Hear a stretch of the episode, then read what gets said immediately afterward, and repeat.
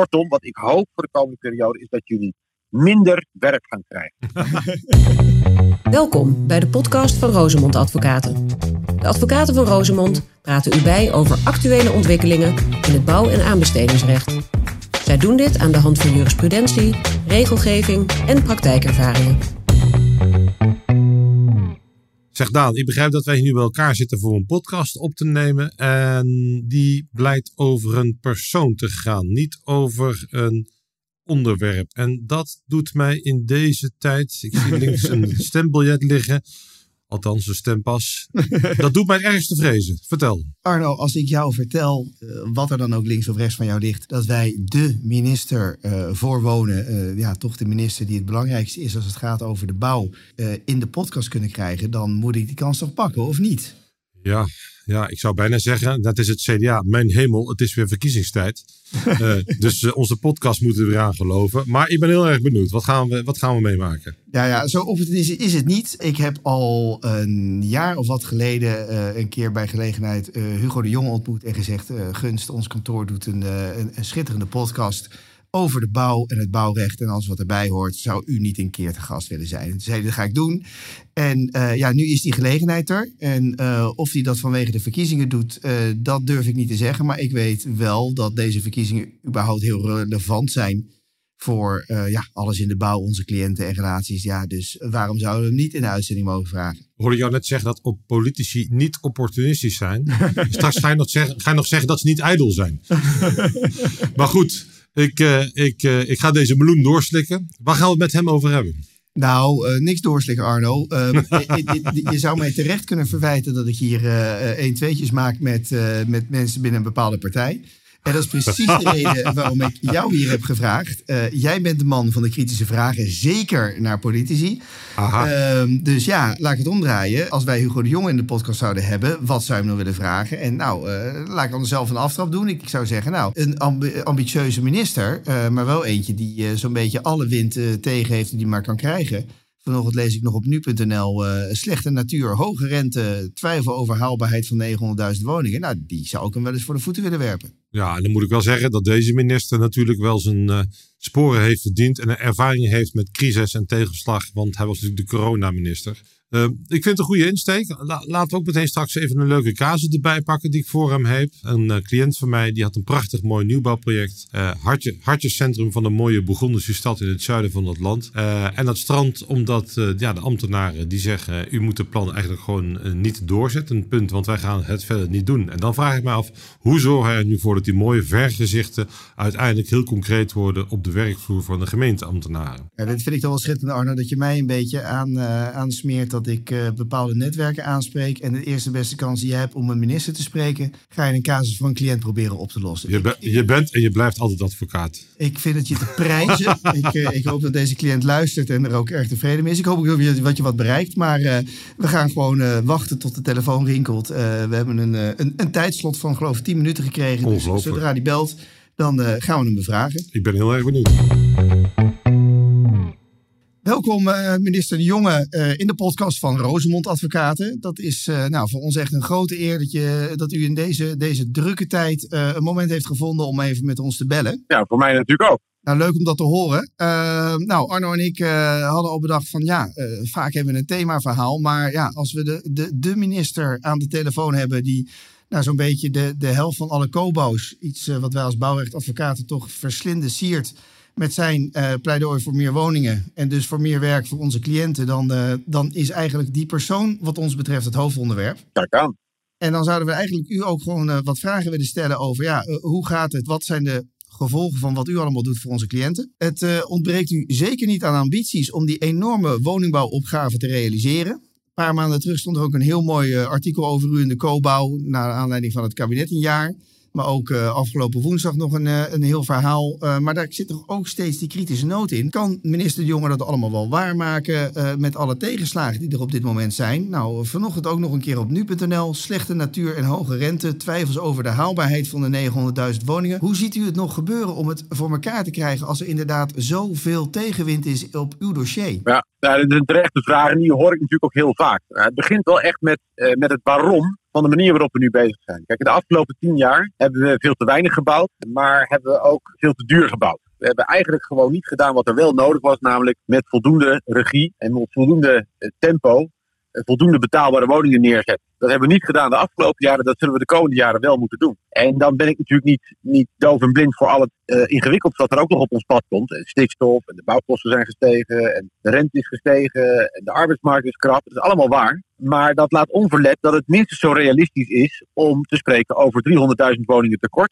Uh, mensen zitten gewoon echt in de knel. Iedereen kent inmiddels wel iemand wiens leven op dit moment op de pauzeknop staat. Omdat er gewoon geen woning meer te vinden is. En dat maakt dat we ons niet kunnen neerleggen bij uh, ja, hoe het nu gaat. En ons niet kunnen neerleggen bij dat het allemaal ingewikkeld is. De weg van de minste weerstand mag de onze nooit zijn. Wat we juist zullen moeten doen is uh, ja, tegen de wind intrappen. Dus niet zeggen dan maar niet, maar jezelf afvragen hoe dan wel. Nou, dat moet onze houding zijn. En daarmee is er echt een wereld te winnen. Ja, ik pik er even eentje uit, meneer de Jonge. Arno Jacobs trouwens. Ik ben een compagnon vandaan. Het woord regie. U hebt het over regie op de woningbouwmarkt. Er moeten 900.000 woningen bij. U weet, wij zijn advocaten. Wij werken veel voor partijen die woningen willen realiseren. En nu was er een cliënt van mij en die wilde in het zuiden van het land... wilde hij een uh, negen, achttal appartementen in de binnenstad realiseren. En vervolgens stuurt hij dat plan in. en maakt veel kosten. Hij stuurt het naar de gemeente. Maar dat wordt afgewezen met... Ik wil deze zin niet onthouden. Het toevoegen van woningen betekent over het algemeen een ongewenste intensivering op de locatie. Ja, dan moet je eigenlijk nooit gaan woningen gaan bouwen als dat je een drijfveer is.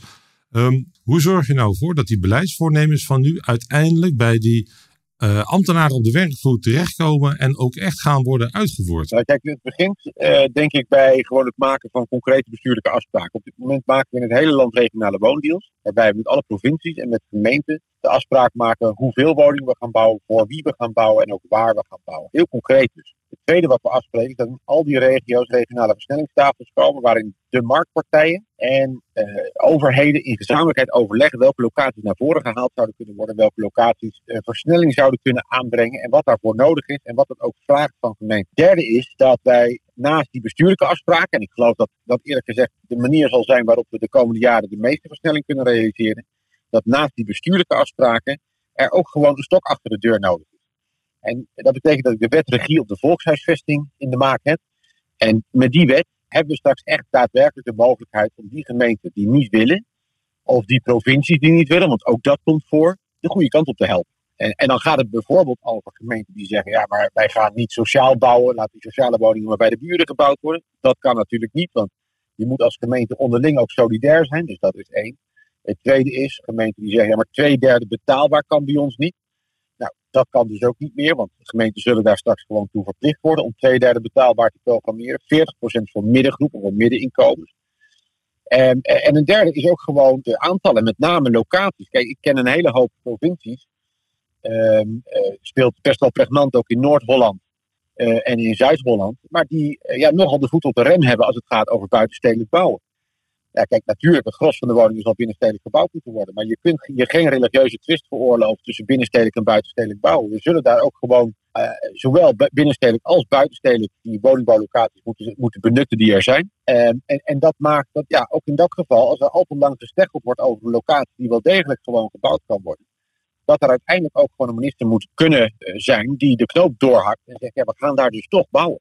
Uh, nou. ik, ik, val u even in de reden, meneer de Jonge. Dat doe ik graag als advocaat. Wij hebben, ik hoor u drie, uh, drie dingen zeggen. Concrete afspraken maken, uh, dat is één. Een soort overlegtafels, begreep ik, dat was twee. En de wet, een regiewet als stok achter de deur uiteindelijk. Maar mijn vraag is eigenlijk, een particuliere initiatiefnemer, een bedrijf, een ontwikkelaar, een grondeigenaar die er niet doorheen komt. Die heeft misschien niet zoveel aan deze drie uh, zaken. Die wil gewoon concreet een aanspreekpunt hebben. Zou het dan niet goed zijn om als een schil hier overheen te leggen een soort aanjager voor dat hele programma, die je gewoon kunt benaderen, waar je kan zeggen, joh, ik zit bij die gemeente, ik lees u net iets voor en ik kom er gewoon niet doorheen. Dat hebben we natuurlijk deels al wel. Uh, dus in uh, al die regio's zijn ook regionale versnellingstafels, waar ook regio's gewoon een aanspreekpunt organiseren waar je als parkpartij zou kunnen melden. Dus daar is in voorzien in de afspraken die we maken in de regionale woondeals.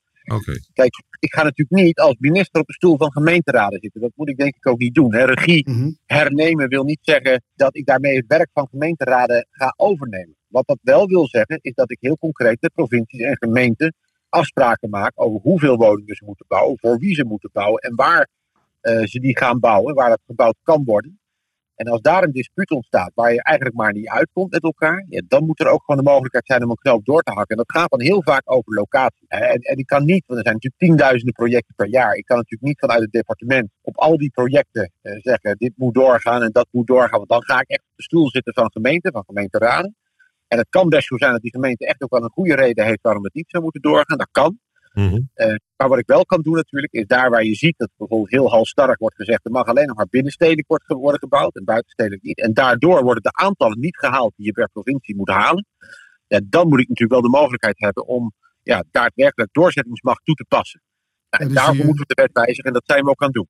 Dus u, dus u houdt, eh, blijft bij het, eh, het, het aloude credo decentraal waar het kan, centraal waar het moet, maar dus wel centraal met de juiste middelen om dat hè, om dat desnoods af te dwingen. Zo is dat. Dus ik hou vast aan dat credo. Ik zal alleen iets vaker in het verleden zeggen, ja, ik vind dat hier toch een centrale interventie nodig is. En dan, dan zegt u, en ik denk dat u dat terecht zegt hoor, want nog meer dan vanuit uh, onze praktijk uh, denk ik dat we ook gewoon over vrienden, familie, uh, kinderen van de, wat oudere collega's praten. Dat je ziet dat betaalbare woningen steeds schaarser worden. Dus ik snap heel goed uw verhaal over goedkopere en de, de, de, de, middenklasse woningen. Tegelijkertijd, ja, je kent natuurlijk ook het verhaal van de mix. je wil een aantal lucratieve woningen bouwen in een mix met sociaal. Is het voor aannemers nog aantrekkelijk op het moment dat die balans veel meer naar sociaal gaat? Of zegt u van ja, er zit genoeg geld bij de woningcorporaties of die kunnen een soort alliantie aangaan? Nou, het gaat inderdaad om die mix. Eigenlijk volkshuisvesting is, is, is de samenleving van de toekomst bouwen. En als je in de ene wijk eigenlijk alleen nog maar dure woningen hebt, dat betekent dat de goedkopere woningen alleen nog maar in de andere wijk komen te staan. En dat zie je natuurlijk ook nu, op grotere schaal, zien we dat tussen gemeenten. Daar waar de ene gemeente eh, soms wel door de 40% sociale woningbouw heeft, via andere gemeenten met, met minder dan 20% sociale woningbouw. Dus mijn, mijn uh, wet regie de volkshuisvesting maakt het ook mogelijk om af te dwingen dat twee derde betaalbaar wordt. En dat die gemeenten die ver onder het landelijk gemiddelde zitten, 30% in de nieuwbouw moeten bouwen om hun been stapje voor stapje rustig aan bij te trekken. Niet in één keer van de kelder naar de zolder, maar wel stapje voor stapje hun been bij te trekken. En alle gemeenten moeten daarmee meedoen. Dat hoeft niet op het niveau van ieder individueel project. Dat moet wel op het niveau van, van, van de gemeente, van de regio, moet het wel eerlijk verdeeld zijn tussen gemeenten. Dus daar ga ik wel echt op sturen.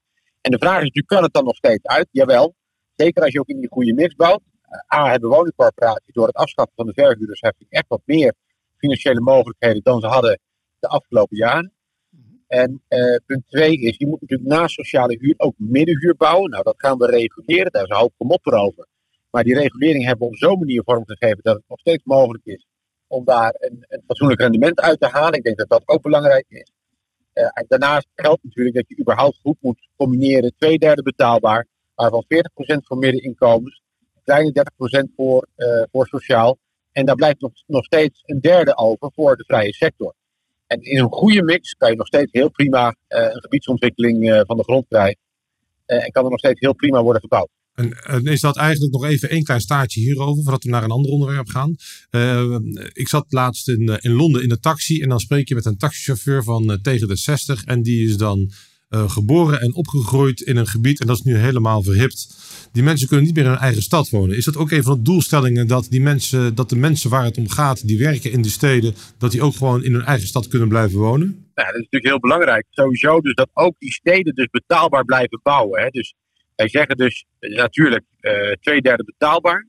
En waar je in de steden heel vaak ziet uh, dat er wel veel sociale woningbouw is, maar dat met name de middengroepen in de knel komen, zeggen dus ook met name dat die, die middengroepen 40% of meer bediend moeten worden in de nieuwbouwopgave van die grote steden. Wat daarbij komt kijken is dat je ook voor een aantal beroepen, bijvoorbeeld voor de leraar, voor de verpleegkundige, voor de agent, ook woningen zou moeten kunnen toewijzen. Ook daar gaan we de wet voor wijzigen dat je woningen kunt toewijzen. Omdat zo'n stedelijke gemeenschap als geheel ook een kansrijke gemeenschap moet zijn. goed idee. En als de leraar of de agent of de verpleegkundige niet meer kan wonen in de grote stad, dan gaat ze er misschien ook niet meer werken op over een tijdje. Ja, en dan hebben we echt een groot probleem met elkaar. Dus je moet de steden de gelegenheid geven om hun stedelijke samenleving ook op een goede manier te kunnen vormgeven. Nou, hetzelfde geldt voor, uh, voor de kleinere gemeenten. Daar waar kleinere gemeenten uh, op dit moment uh, vaak niet in staat zijn, worden gesteld, ook door provincies, om voldoende te kunnen bijbouwen voor hun eigen mensen. Zien ze dat als ze al een beetje bijbouwen, eh, dat die woningen worden weggekaapt door mensen met een grote zak geld. Nou, wat je natuurlijk wilt, is dat die, die, die bouwprojecten in kleinere gemeenten, de rand van de gemeente, ja, dat, dat die wel degelijk ook gebruikt kunnen worden om je eigen inwoners mee te kunnen, kunnen bedienen. Je eigen starters en je eigen ouderen, om ook het dorp leefbaar te houden. als ik even mag inbreken, meneer De Jonge, dan. ik maak het bruggetje naar een, een onderwerp dat eigenlijk niet kan ontbreken, namelijk het S-woord. Daar komt hij weer. Stikstof. Wat veel ontzettend leuk. Ik dacht, waar blijft hij? Ja, precies.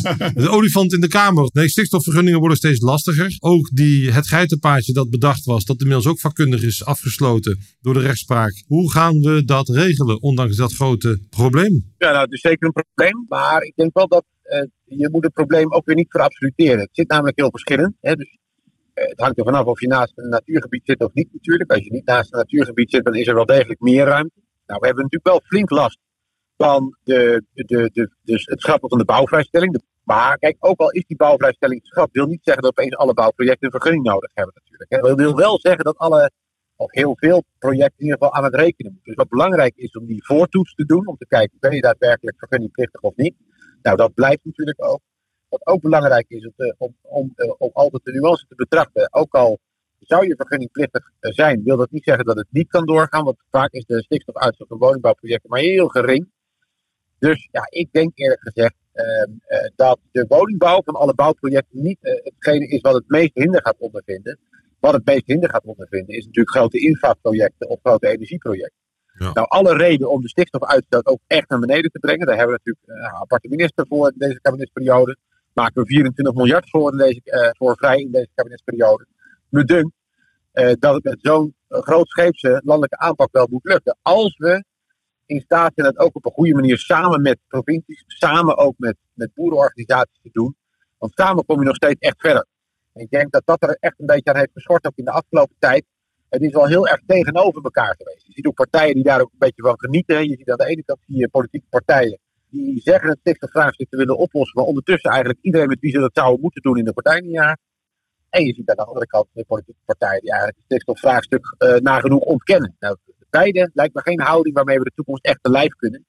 Uh, we zullen het moeten oplossen, we zullen het samen moeten doen. Niet op een polariserende manier, maar op een, op een verbindende manier. Met al die partijen die we nodig hebben om dit tot een oplossing te brengen. Dat lijkt mij uh, verstandige woorden. Die, uh, die 24 miljard waar het u over heeft, zit er dan ook nog wat geld in voor de bouw? Um, om inderdaad, waar je dus niet meer die vrijstelling hebt, kan je al heel veel doen, ook met elektrisch bouwen. Tegelijkertijd, ja, je bent niet zomaar in één keer je dieselwagenpark kwijt. Kunnen de bouw daar ook in ondersteunen? Uh, kan je dingen gezamenlijk oppakken? Uh, je zou bijna een leasepool van uh, elektrisch materieel kunnen verwachten om zo nou, nou bijna uitstootloos te kunnen aannemen? Ja, daar geloof ik absoluut in. wat we doen is, er was al 500 miljoen vrijgemaakt. We hebben onlangs nog 400 miljoen vrijgemaakt om elektrisch bouwmaterieel ook mede mogelijk te maken. Dat doen we samen met de bouwende sector. En ik denk uh, dat we naar de toekomst toe veel verder nog moeten gaan in geïndustrialiseerd bouwen. Dat heeft echt aan alle kanten heeft dat voordelen. In de snelheid heeft het voordelen. In de accuratesse heeft het voordelen.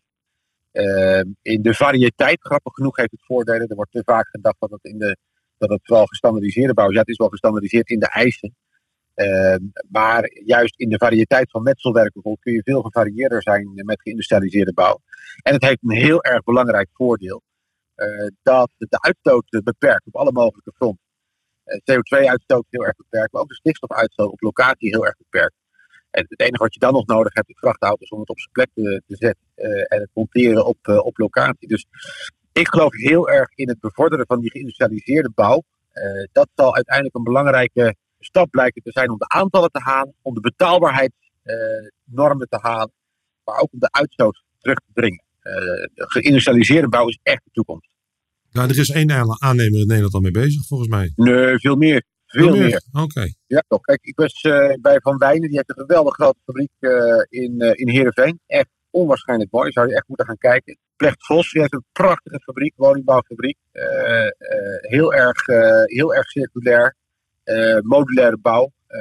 en heeft nog heel veel ruimte ook om zijn huidige fabriek heen. Om nog verder op te schalen in de omvang. Ik was bij, uh, bij Dijkstra Draaisma.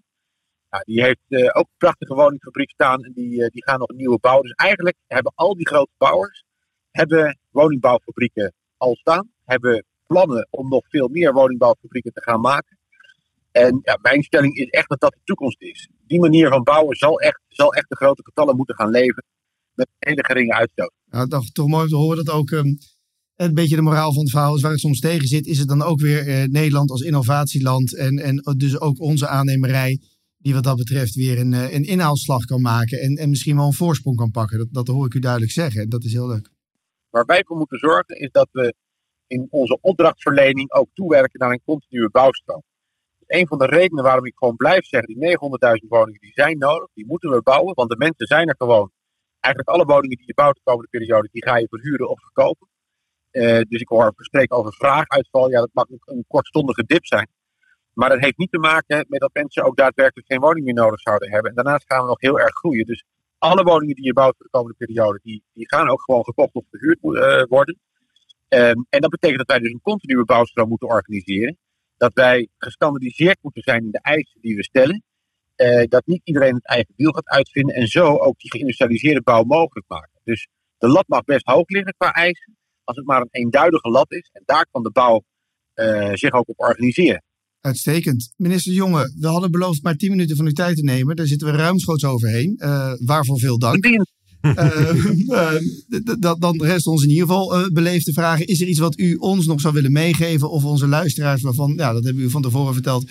Dat zijn toch vooral mensen die, die bezig zijn in, in het bouw. En uh, nou, de mensen die zich ook veel met het bouwrecht bemoeien. Nog, nog één ding. En dat is, ja, dat is zeker in deze podcast natuurlijk een beetje broodroof.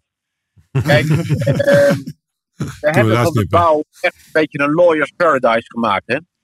Uh, wat je ziet is waar er ook uh, een woontoren wordt gepland, overal klimmen boze, boze mensen in de pen. Om te zeggen, ja, ik snap best dat er woningnood is. En natuurlijk moeten er woningen worden gebouwd, maar niet bij mij in de achtertuin. Dat zie je werkelijk overal. En het lijkt wel alsof we het recht op uitzicht belangrijker hebben gemaakt dan het recht op het hebben van een woning. En daar, daar kunnen we niet mee doorgaan op deze manier. Dus wat ik heel erg uh, graag zou willen, is dat we met elkaar die hele NIMBY-cultuur die we hebben, die not in my backyard cultuur, gaan ombuigen tot een yes in my backyard cultuur. dat we alle politieke debatten in de gemeenteraad, waar de boze mensen met een, met, met, een, met een spandoek op de tribune nee zitten te zeggen, dat we daardoorheen weten te luisteren als wethouders en als gemeenteraadleden. En daardoorheen ja, de noodkreet horen van al die mensen die woningzoekend zijn. Uh, en wat ik hoop uh, is dat, dat het ons gaat lukken om daadwerkelijk die procedures te vereenvoudigen. Daar wil ik ook de wet voor wijzen, dat we die procedures weten te vereenvoudigen. Kortom, wat ik hoop voor de komende periode is dat jullie minder werk gaan krijgen. ik weet niet of je dat zomaar mag in deze podcast, maar ik zeg het wel. jullie, jullie zijn echt toe aan minder werk. We hebben van die hele woningmarkt veel te veel een lawyer's paradise gemaakt en daar moeten we vanaf. Nou, onze, onze kantoorgenoot Rob Bleker zegt altijd: onze eindmissie is om, is om onszelf volledig overbodig te maken. Dus wat dat betreft uh, gewoon uh, volledig in het Rosemond credo. Uh, dus dank ook daarvoor. Goed zo. Zeer veel dank. dan wensen we u nog heel veel succes met alles wat u te wachten staat en te doen staat. En nogmaals dank voor uw tijd. Ja, hartelijk dank. dank. Hoi hoi. Tot ziens. Dag. Dit was de podcast van Rosemond Advocaten. Leuk dat u luisterde. Heeft u vragen naar aanleiding van de podcast? Mail naar podcast.rosemond.nl of ga naar onze website waar u ook eerdere afleveringen vindt. www.rosemond.nl